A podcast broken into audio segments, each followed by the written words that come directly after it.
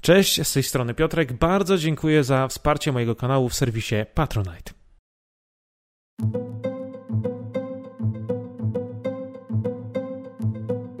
Połowa lat 50. Europa jest podzielona na pół. Chwilę wcześniej zakończyła się wojna koreańska. Cały świat zastanawia się, czy dojdzie do globalnego konfliktu między państwami kapitalistycznymi i komunistycznymi. Jeśli tak, to gdzie taka wojna miałaby się rozpocząć? Zarówno w Waszyngtonie, jak i w Moskwie przygotowywane były różne scenariusze.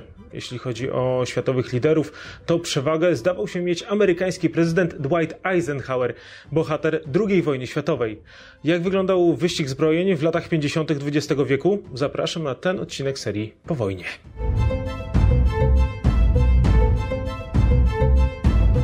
Wojna koreańska przestraszyła Amerykanów. Dotychczas nawet bardzo ostrożny prezydent Truman w kwietniu 1950 roku zdecydował się przyjąć dyrektywę Narodowej Rady Bezpieczeństwa o trzykrotnym wzroście wydatków na zbrojenia. O ile na początku lat 50. Amerykanie wydawali na ten cel 17 miliardów dolarów, to pod koniec wojny w Azji było to ponad 50 miliardów dolarów. I choć kiedy zakończyła się wojna w Azji, a świat złapał drugi oddech, to wydatki USA na zbrojenia nadal były bardzo wysokie. Prawie dwukrotnie przewyższały poziom wydatków przed rozpoczęciem się wojny w Azji. Jednocześnie wspomniana już wcześniej przeze mnie przyjęta w 1950 roku dyrektywa Narodowej Rady Bezpieczeństwa oprócz dofinansowania amerykańskiej armii zakładała też równomierny wyścig zbrojeń ze stroną komunistyczną. Chodziło o to, aby zarówno pod względem broni konwencjonalnej, jak i atomowej e, nie odstawać od Związku Radzieckiego.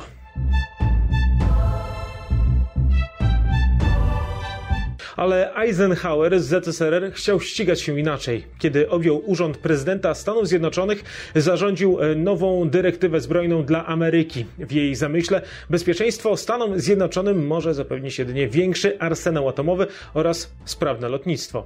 Eisenhower twierdził, że tylko w ten sposób Ameryka może skutecznie uchronić się przed światowym konfliktem i bezpośrednim atakiem na USA. Tyle, że ten plan miał pewne luki. Chodziło o pieniądze. Takie przedsięwzięcie było bardzo kosztowne i niezwykle trudne w realizacji. Eisenhower potrzebował wspólników. Wybór padł na Brytyjczyków, którzy zgodnie z zaleceniami nowej dyrektywy mieli być najważniejszym partnerem w militarnym i pokojowym wykorzystaniu energii atomowej. Tyle, że i tak to wciąż kosztowało zbyt dużo dolarów. Odważna decyzja Trumana z początku lat 50. i znaczne dofinansowanie wojska rozkręciło wyścig zbrojeń na niespotykaną wcześniej skalę. Związek Radziecki też wydawał coraz więcej rubli na zbrojenia. Ich specjaliści stale pracowali nad nowymi rodzajami broni. Amerykanie wpadli w pułapkę wydatków, tym bardziej, że ZSRR szybko doganiało USA pod względem zaawansowania uzbrojenia. Szczególnie chodzi mi tu o arsenał atomowy. Konstruowane w tym czasie bomby już wtedy były ponad dwudziestokrotnie silniejsze niż to użyte w Hiroshima Hiroshimie i Nagasaki. Eisenhower postanowił powstrzymać ten trend. Stalin przecież już nie żył, a na Kremlu w tym czasie nowi rozgrywający w moskiewskiej polityce coraz odważniej odcinali się od polityki generalissimusa. Prezydent USA w grudniu 1953 roku wystąpił na forum Organizacji Narodów Zjednoczonych z projektem Atom for Peace, czyli Atom w służbie pokoju. Jego pomysł zakładał utworzenie Międzynarodowej Agencji Energii Atomowej. Instytucja miała zbierać informacje o ilościowym potencjale atomowym atomowych mocarstw oraz kompletować rezultaty badań naukowych związanych z energią atomową. W zamyśle amerykańskiej głowy państwa chodziło o ograniczenie zasobów broni atomowej i próbę dogadania się ze stroną radziecką. Ale ZSRR nie było zachwycone tą propozycją. Strona radziecka uznała, że Amerykanie tym sposobem chcą osłabić potencjał atomowy Związku Radzieckiego. Plan Eisenhowera udał się jedynie połowicznie. Nie został zrealizowany w części rozbrojeniowej, ale ostatecznie w lipcu 1957 roku ONZ utworzyło Międzynarodową Agencję Energii Atomowej. Amerykanie wykorzystali ten fakt, aby zachęcić do współpracy nad badaniami atomowymi specjalistów z całego świata. W ciągu pierwszych 10 lat w międzynarodowym programie badań uczestniczyło ponad 3000 naukowców z prawie 70 krajów.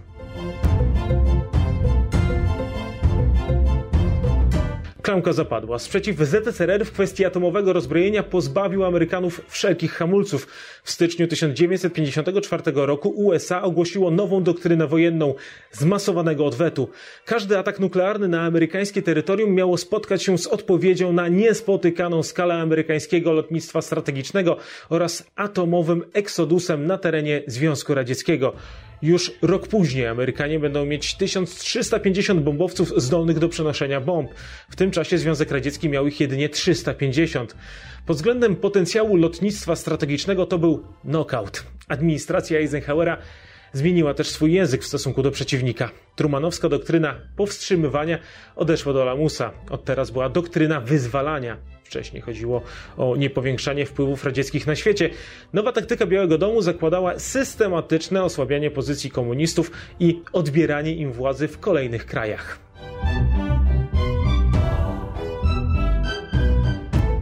Na początku 1953 roku sekretarz stanu John Dulles w stosunku do mieszkańców krajów bloku wschodniego użył określenia zniewoleni ludzie.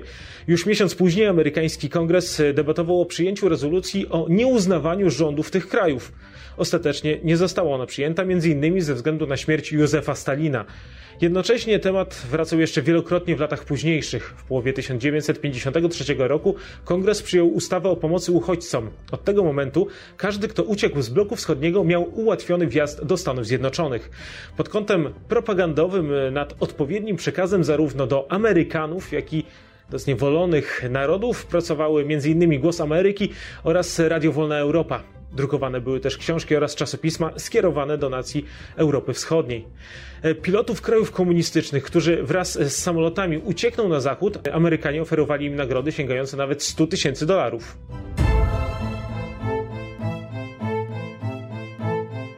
To narastające napięcie między wschodem a zachodem nie trwało bez przerwy. W połowie lat 50. obie strony potrafiły porozumieć się na przykład w kwestii Austrii. 15 maja 1955 roku zakończona została trwająca 10 lat okupacja wojskowa tego alpejskiego kraju. Austria oficjalnie stała się państwem neutralnym, jednocześnie będąc takim buforem bezpieczeństwa między radziecką i natowską strefą wpływów. Do kolejnego przełamania lodów doszło w lipcu tego samego roku w Genewie. Odbył się wtedy pierwszy od czasów konferencji w Poczdamie polityczny szczyt, w którym wzięli udział przywódcy Wielkiej Brytanii, Stanów Zjednoczonych oraz oczywiście Związku Radzieckiego. W tym spotkaniu na szczycie uczestniczyła też Francja. USA reprezentował Dwight Eisenhower, ZSRR Nikita Chruszczow oraz Nikołaj Bułganin, Wielką Brytanię Antony Eden, Francję Edgar Fourret.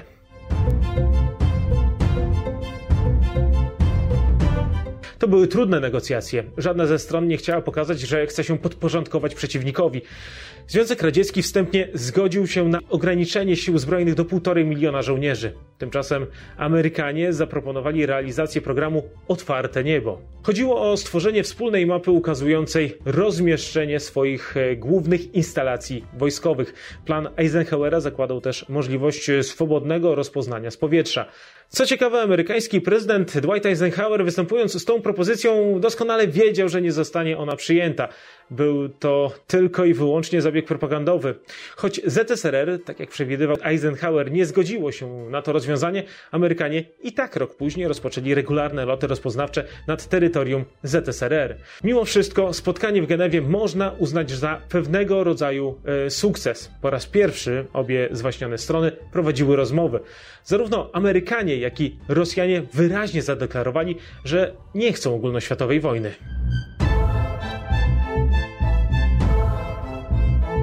Ale w 1956 roku doszło do trzech ważnych wydarzeń, które weryfikowały genewskie ustalenia o dobrej woli i niechęci do rozwiązań siłowych. Najpierw w Polsce doszło do tak zwanego przełomu październikowego, w wyniku którego władzę przejął Władysław Gomułka. Następnie wybuchło powstanie na Węgrzech. O ile w przypadku naszego kraju polityczne przesilenie udało się ustudzić bez potrzeby wkraczania radzieckich wojsk, to na Węgrzech doszło do rewolucji. Na początku listopada radzieckie oddziały pancerne wkroczyły do tego kraju. Tymczasem Amerykanie realizowali przecież doktrynę wyzwalania. Brak zaangażowania się w sprawę węgierską byłoby tożsame e, z rezygnacją z jej założeń. Węgrzy doskonale o tym wiedzieli. Do końca liczyli na wsparcie amerykańskiej armii stacjonującej w Niemczech Zachodnich.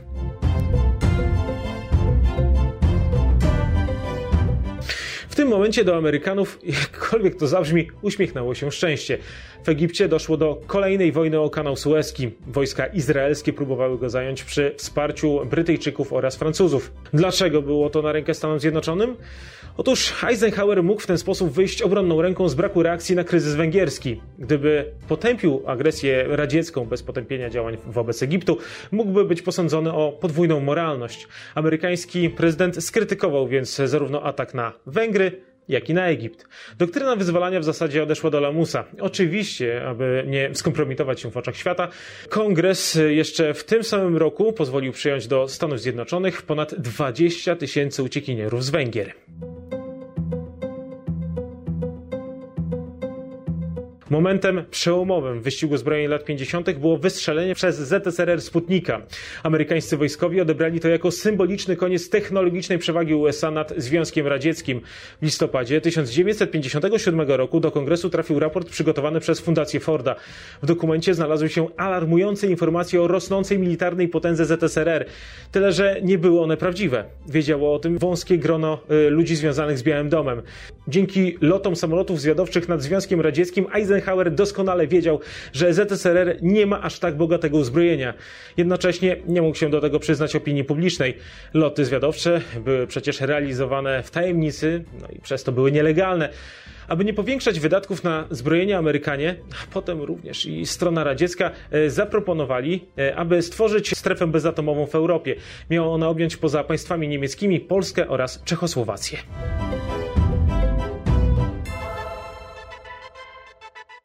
Relacje amerykańsko-radzieckie zaczęły się ocieplać m.in. po spotkaniu Eisenhowera z Chruszczowem w Camp David ale te coraz lepsze kontakty zakłócił incydent z 1960 roku. 1 maja amerykańska maszyna pilotowana przez Francisa Powersa została zestrzelona nad ZSRR.